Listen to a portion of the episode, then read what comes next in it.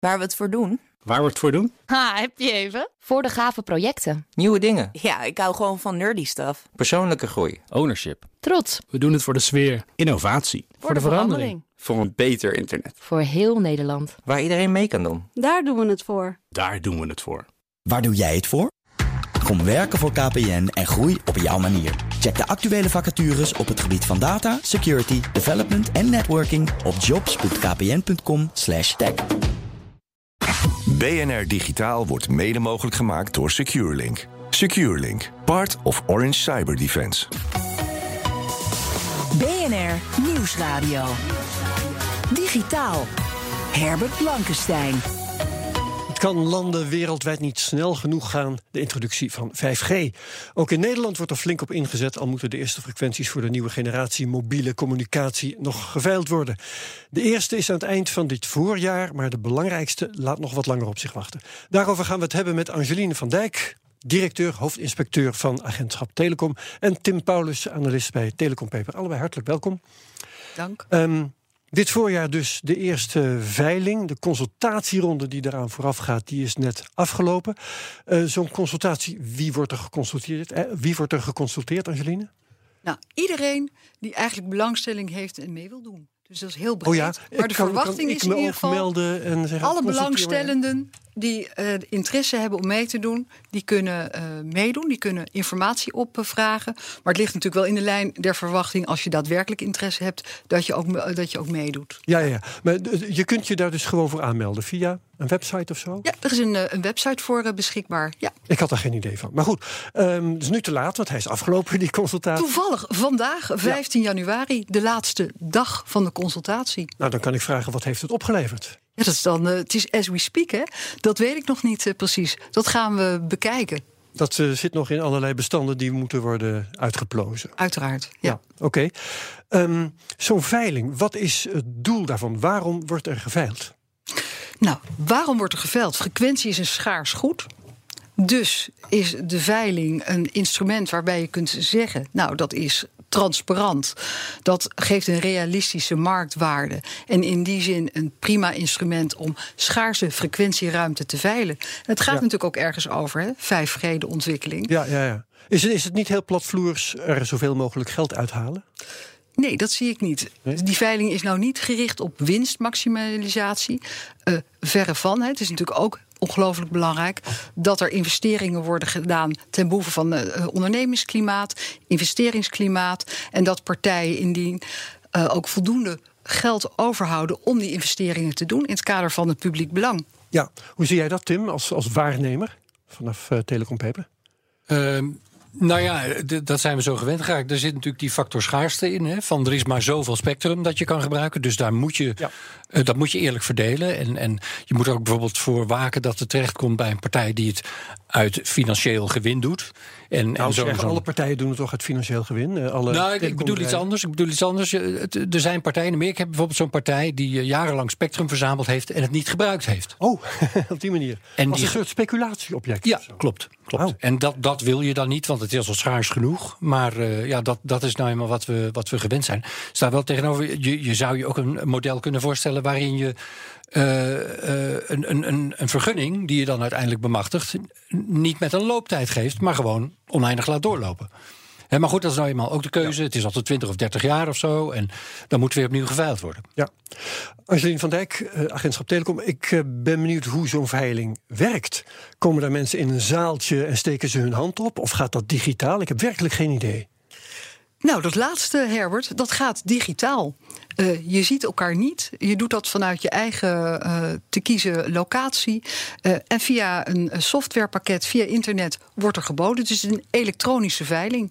Ja, uh, dus je kunt ervoor thuis blijven, bij wijze van spreken. Um, kan ieder, we hadden het net over die consultatie, maar kan iedereen ook aan die veiling deelnemen? Kan ik me ook melden bij een website als ik denk dat ik genoeg geld heb en, en meebieden?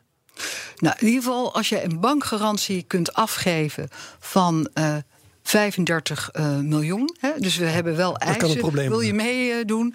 Uh, dat, is, uh, dat is in ieder geval van belang. En natuurlijk ook een aantal andere eisen om, om mee te doen. Maar je moet wel een serieuze aanbieder zijn. Natuurlijk kijken we daarnaar. Ja, ja, ja oké. Okay. Um, En verder, uh, ik, ik, herinner me van, uh, wat is het, uh, fruitveiling en zo, een teruglopende wijzer bijvoorbeeld. Hè, waar, dan moet je op tijd moet je op stop drukken en dan heb je het kavel bemachtigd. gaat dat bij telecomveilingen net zo of is het net iets anders?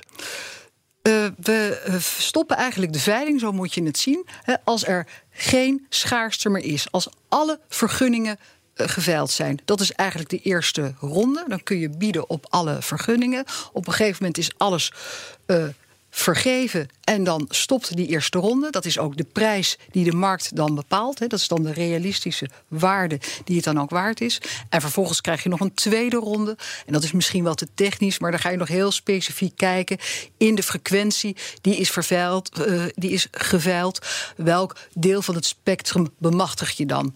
Nou, dat is eigenlijk twee rondes en dan is het, uh, is het klaar. Ja, um, in andere landen worden ook frequenties uh, geveild. Uh, Tim Paulus, hoe gaat het in andere landen, weet je dat? Nou ja, nee, dat weet ik niet precies. Er zijn verschillende veilingmodellen hè? En, en dat wil nog wel eens verschillen per land. Um, dat is dan als er geveild wordt. Maar je, je kunt je ook voorstellen dat er niet geveild wordt en dat er wordt gekozen voor een uh, schoonheidswedstrijd. De beauty contest, als het ware. Ja. En in Finland hebben dat we je, gezien... Dat je kunt laten zien dat je, uh, weet ik veel, uh, van plan met je klanten netjes te behandelen of iets dergelijks. Ja, en dat, dan, dan, dan wordt het natuurlijk eigenlijk gewoon weggegeven aan de zittende partijen. de partijen okay, met ja. een netwerk en met een marktaandeel. Ja. Uh, Frankrijk heeft weer een ander model gekozen nu. Uh, ik weet het nog niet precies, maar daar is van tevoren al vastgelegd... het moet zoveel gaan kosten. En dat is, dat is eigenlijk een soort beauty contest. Uh, met, met een opbrengst die eigenlijk van tevoren vaststaat. Ja, en Angeline, in Nederland, uh, nou, er komen een aantal partijen. Nou, we kennen de, de namen van de telecombedrijven wel zo ongeveer. Um, is nou te verwachten dat ze allemaal wel hun kaveltje kunnen krijgen? Of gaan er werkelijk partijen afvallen wegens nou ja, te, te veel uh, uh, vraag en te weinig aanbod. Nee, dat kan ik helemaal niet op voorhand uh, zeggen. Hè. Dus nee? dat is ook, maar goed ook dat ik niet bij voorbaat weet hoe de veiling gaat lopen. Overigens over de bedragen wel iets te zeggen. Dat hebben wij ook gepubliceerd. Er worden drie banden geveild, waarvoor de ene voor de ontwikkeling van 5G bijvoorbeeld heel belangrijk is. Om hier even te noemen, hè. dat is de 700 megahertz band. En die is dan ook een soort vertrekpunt voor de prijs be, uh, bepaald 75 miljoen. Dus even in antwoord Tim, uh, zo hebben we gekeken naar die banden. Wat is een uh, reële waarde om okay, mee uh, dus er is al een inzet. Er is een inzet. Bij nul of iets dergelijks? Of nee, juist er is een inzet. Een uh, en dat geldt ook voor de 1400. die is qua marktwaarde minder waard. Dat is een bedrag van 5 miljoen. En de 2100 megahertz een bedrag van 35 miljoen. En dat wordt bepaald eigenlijk door nou ja, de toepassing van, die, van, die, van die band. wat kun je ermee? Ja. Wat, is, wat is daar de marktwaarde? Wat zijn de marktomstandigheden uh, spelen daarbij een rol. Ja, en um, die bedragen die worden dan hoger als partijen tegen elkaar op gaan bieden. Dat is dan het veilingidee, neem ik aan, of niet? Ja. ja. ja. Uh, verwacht jij dat dat gaat gebeuren, Tim? Dat, uh, dat er stevig overboden zal worden? Nou ja, dat, dat zal er om te beginnen aan liggen of er een nieuwkomer is. Hè? Mm -hmm. um, is dat nog niet bekend? Dat is volgens mij niet, niet per se bekend. Mm -hmm. Uh, er, zijn geen voorwaarden speciaal gemaakt voor een nieuwkomer. En als je dan nagaat dat je uh, vanaf nul moet beginnen als, als nieuwkomer, dan ligt dat niet voor de hand. Hè? Uh, als, als nieuwkomer moet je echt wel een handje geholpen worden. Bijvoorbeeld met een roaming-overeenkomst. In, in de tijd dat jij je netwerk aanlegt, kun je dan gebruik maken van het netwerk van iemand anders. En zodra je klaar bent met je netwerk, hè, dan, dan kan dat stoppen. Maar zo moet je wel in het zadel geholpen worden als nieuwkomer. Nou, dat is er allemaal niet. Dus voor de hand ligt dat er geen nieuwkomer is. En als je dan kijkt naar, uh, vraag me nou even niet de getalletjes precies, maar als je kijkt naar wat er geveild wordt, de, hoeveelheid, 60 megahertz geloof ik in de 700 band, zoiets dergelijks, dan ligt het erg voor de hand dat je zegt allemaal 20 megahertz. En dat suggereert een klein beetje dat uh, de opbrengst niet heel ver boven de optelsom uitkomt van al die bedragjes van 75 miljoen en 5 miljoen enzovoort. Wat neerkomt op 900 miljoen. Ja, en dat is eigenlijk als totaalopbrengst uh, een bedrag dat, mag ik het zo zeggen, meevalt. Want ik herinner me dat de 3G-veilingen van alweer begin van deze eeuw, dat die veel meer opbrachten. Ja, nou daar zat een nieuwkomer bij, hè, om te beginnen. Ja, oké. Ehm, werkt het. Vergeet ook niet, je zegt het is laag, maar in vergelijking met die vorige veiling zou je ook kunnen zeggen dat het hoog is. Want eh, die, die startprijzen die liggen pakweg bij elkaar dan opgeteld, ik geloof iets van drie keer zo hoog als in de tijd. Oeps, in 2012. Oké. Ehm, en dat, dat alleen al suggereert ook een beetje dat ze bij de overheid hebben zitten kijken van... god, er is eigenlijk niet heel veel schaarste. Ze kunnen het vrij snel eens worden met elkaar. Die veiling dreigt kort te worden. Weet je wat, dan moeten we beginnen op een relatief hoog punt. Anders schiet er voor het ministerie van Financiën zo weinig in. Digitaal. Waarin we het hebben over 5G. ABN AMRO waarschuwde recentelijk nog dat 5G cruciaal is... voor het behoud van de toppositie van de Nederlandse IT-sector. Dat soort verhalen hoor je vaker, ook voor andere sectoren trouwens. Er was kritiek op het feit dat die veiling, een tijdje op zich liet wachten. Zeker als je naar andere landen kijkt. Eh, Angeline, ehm, hoe komt het dat eh, in Nederland het zo lang duurt... voordat de benodigde frequenties beschikbaar komen? Nou, daar zijn uh, allerlei redenen voor. Maar uh, een van de belangrijkste redenen is: we zijn een klein, uh, klein land, hoge bevolkingsdichtheid, veel, veel te verdelen wat dat betreft. nou ja, er zijn meerdere partijen en meerdere belangen. En dat moesten we eerst met elkaar zien op te lossen. Met andere woorden, ook andere partijen uit hele andere sectoren hadden wel zin in frequenties. Nee, je moet bijvoorbeeld denken aan belangen van defensie, belangen van luchtvaart. Dus je moet goed kijken. Hè, dat spectrum, uh, de lucht is vol. Uh, van frequenties wordt gebruik gemaakt. Dus er moest ook goed gekeken worden. Hoe zorgen we voor een zorgvuldige verdeling daarvan? Ja, en dat is zeker een verdelingsvraagstuk is het ja, dus. En dat, uh, ja. dat kostte tijd. Ja, en misschien ook wel een vraagstuk van hoe zit je elkaar zo weinig mogelijk in de weg? Want frequenties mogen elkaar ook niet storen, stel ik me voor. De essentie is dat er geen storing optreedt. Ja, ja, ja. er was nog een kwestie rond het dorp Burum in Friesland, waar een groot afluisterstation stond staat. Je gaat gelijk ook zachter praten. Ja, ja, ja natuurlijk, want anders horen ze me. Ja. Die zitten de 3,5 gigahertz band te bezetten. Uh, hoe staat het daarmee? Uh, zijn die uiteindelijk uit de weg geruimd? Of nou, dat is bijvoorbeeld dat? een van de vraagstukken ja. die we moesten oplossen, ja. En hoe is dat opgelost dan? Nou, daar kan ik niks over, uh, over zeggen. Maar geheim, dat is in ieder geval opgelost. Ja. Oké, okay. nou goed. Oké, okay, um, en waarom hebben we 5G eigenlijk nodig? Laten we het daar eens over gaan hebben. Ja, nou, waarom hebben we 5G nodig?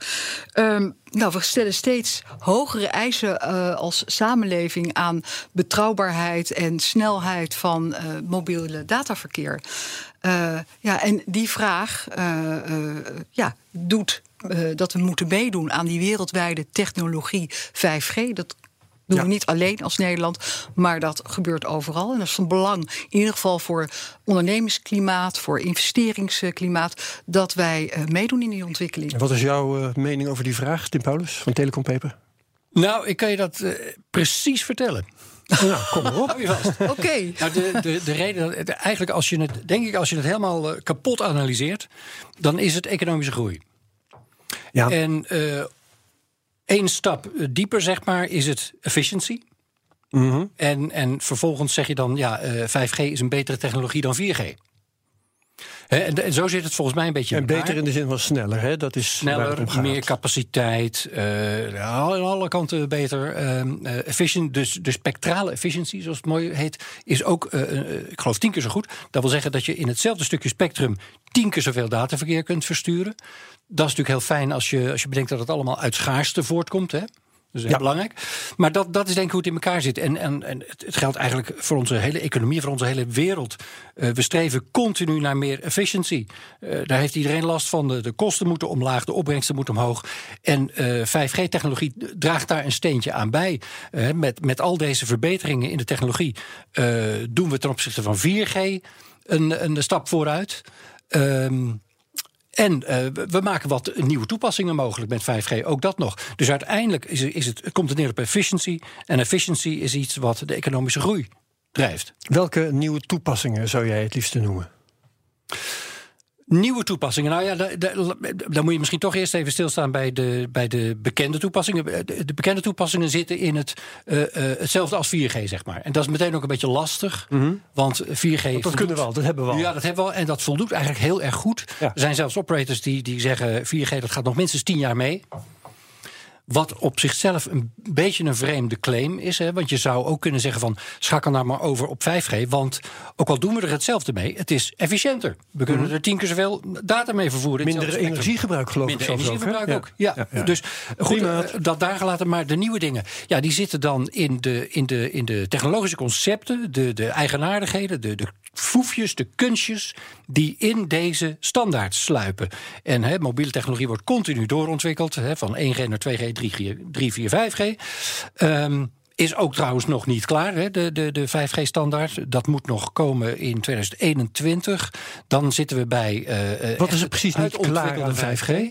Wat is er niet klaar aan Oh, er 5G? zijn, zijn bepaalde aspecten. Bijvoorbeeld broadcast moet nog mogelijk gemaakt worden. Iets wat we ook nog niet helemaal precies kunnen is die latency. Broadcast als in radio. Ja, Even dit ja, duidelijk ja. hebben hoor. Je Maar kunt ook, straks met eh, 5G kun je bij wijze van Ja, spreken het, is, het moet ook de basis worden voor broadcast-technologie. Mhm. Maar ook eh, zoiets als latency. Hè, het terugbrengen naar, van de responstijd naar, naar echt 1 milliseconde, zeg maar. Hè, dat is een beetje de doelstelling. Ja. Wat op 4G eh, enkele tientallen milliseconden is, zeg maar.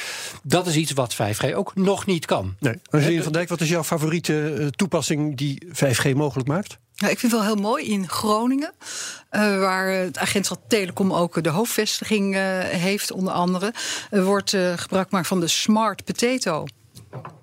Ik verslik me Ja, meteen. Nou, een- Smart potato. De smart potato die wordt in de grond eh, gestopt.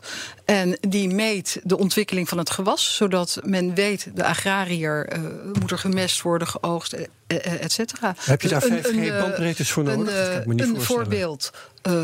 Jazeker, hè? dat gaat ook over snelheden, volumes. eh, en dat is Omdat het precies heel wat jij veel zegt. eh, aardappelen zijn. nou, heel veel aardappelen, ja.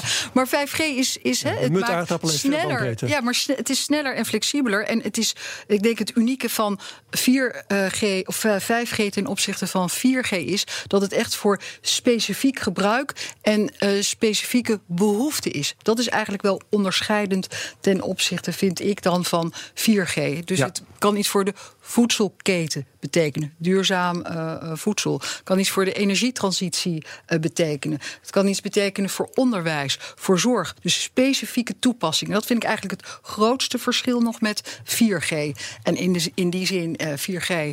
eh, kan ook nog heel veel. Je kunt ook toepassingen van 5G, hè, waar we het nu over hebben, nog op dat die infrastructuur van 4G doen. Maar als we er steeds meer gebruik van eh, gaan maken, grote volumes en snelheden, dan eh, heb je eh, andere technologie nodig. Ook andere antenne-technologie. En dan hebben we het over die small cells die je hebt en die massive MIMO-antennes die die infrastructuur mogelijk maken. Ik wou eventjes naar de gemeenten, want ik begrijp dat de gemeenten nog een beetje een flessenhals vormen. Klopt dat? Nou, gemeenten zijn ongelooflijk belangrijk. Ja, die- voor de ontwikkeling van eh, ja, voor de ontwikkeling van 5G. Hè. We hebben 300, wat hebben we nu? 355 gemeenten in, eh, in Ja. Nederland. Maar zoiets. er moeten heel die- veel antennes geplaatst worden. Dat is misschien een beetje een issue. Nou ja, kijk, eh, Glasvezel aangelegd. zeker. Hè, dat, dat is hoe, meer draadloze, gesproken. hoe meer draadloze communicatie. Eh, des te meer glasvezel nodig is. Hè, Dus dat is, dat is een beetje zo de stelregel die eh, er is. Hoe meer we door de lucht gaan, hoe meer glasvezel eh, er aangelegd zal moeten worden. Ja. En waar moet dat worden aangelegd? Ja, in, eh, eh, in de gemeente. Eh, dus die hebben daar een hele belangrijke taak. Digitaal. Duurt nog eventjes voor 5G goed en wel in gebruik is. Maatschappelijke discussies zijn eh, in volle gang. Er zijn ook zorgen over ehm, de gezondheid. Hebben jullie daar een standpunt over bij agentschap Telecom? De eh, gezondheidsissues rondom 5G? Wij monitoren de veldsterkte. eh, eh, Ja. Elektromagnetische velden. Dat, dat doen wij. Daar kijken wij heel zorgvuldig en nauwkeurig naar. Volgende week komt ook een rapport uit samen met het RI, RIFM. eh, waarbij wij hebben gekeken naar veldsterktes. Onder andere ook bij 5G en de experimenteervergunningen die we daar hebben eh, afgegeven. dus daar kijken wij heel nauw naar. En wij volgen daar eigenlijk eh, de eh, internationale norm. Een internationale groep van wetenschappers. De International Commission of Non-Ionization Radiation Protection. Een hele De mond niet vol. ioniserende straling. Ja, Dus die, ja. eh, Radiostraling. eh, die hebben daar met elkaar ook eh, limieten voor eh, bepaald. En die volgen wij en die meten wij. Ja. En het verhaal is dus dat de 5G-straling daar niet bovenuit komt, boven de normen die daarvoor zijn. Voor zover ik dat nu weet, is het uh, steeds nog een factor 10 onder de limieten, de, de ja. strengste limiet. Wat zeg jij ervan, Tim? Ja, dat, ik, ik heb niet, niet zo heel veel aan, aan toe, toe, te voegen. Ik denk er zijn van die mensen die uh, uh, commentaar hebben op 5G en het uh, verketteren, demoniseren, zeg maar. Ik denk als je kijkt naar de uitspraak van dat soort mensen, dat is nou echt in de kern fake news. Oké, okay, ja. Zo, dat is echt puur Trumpiaans fake news. De, de gevaren. Ja, want er wordt van alles nog wat uh, ja. beweerd. Volstrekt niet onderbouwd. Uh, ja, het, het, is, het, is, een modelvoorbeeld van fake news. Ja, ja het is de, de radiogolven of straling, hoe je het ook wil noemen. Die, dat is de non-ioniserende straling. Ja. Kan eigenlijk geen schade aanrichten in weefsels. Hè? Dat is uh, geloof ik de wetenschappelijke kant van de zaak. Ja, precies. Weet je, er zijn normen ten eerste. Um, en en het, het, wijkt niet af van andere vormen van straling. Uh, waar we al jaren gelukkig mee samenleven. Ja, Oké, uh, dan wilde ik Bruce Snyder nog noemen. Ik deed net per ongeluk al een heel klein beetje. Een uh, veiligheidsdeskundige, waar ik toevallig vandaag een blogposting van zag. Uh, die had commentaar op de veiligheid van 5G. Die zei, die zei er is zoveel backward compatibility ingebouwd met 4G en 3G. Dat oude kwetsbaarheden in stand zijn gebleven.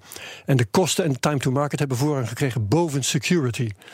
Um, ken jij dat verhaal, Tim? Nee, eerlijk gezegd niet. En uh, dat, dat is natuurlijk heel technisch. Uh, als, als die man gelijk heeft, dat is natuurlijk een belangrijk punt. Security wordt uh, vaak aangehaald als een van de grote problemen met 5G. Ja.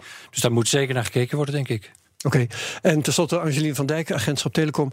Um, wanneer zie ik dat 5G-symbooltje voor het eerst op mijn telefoon?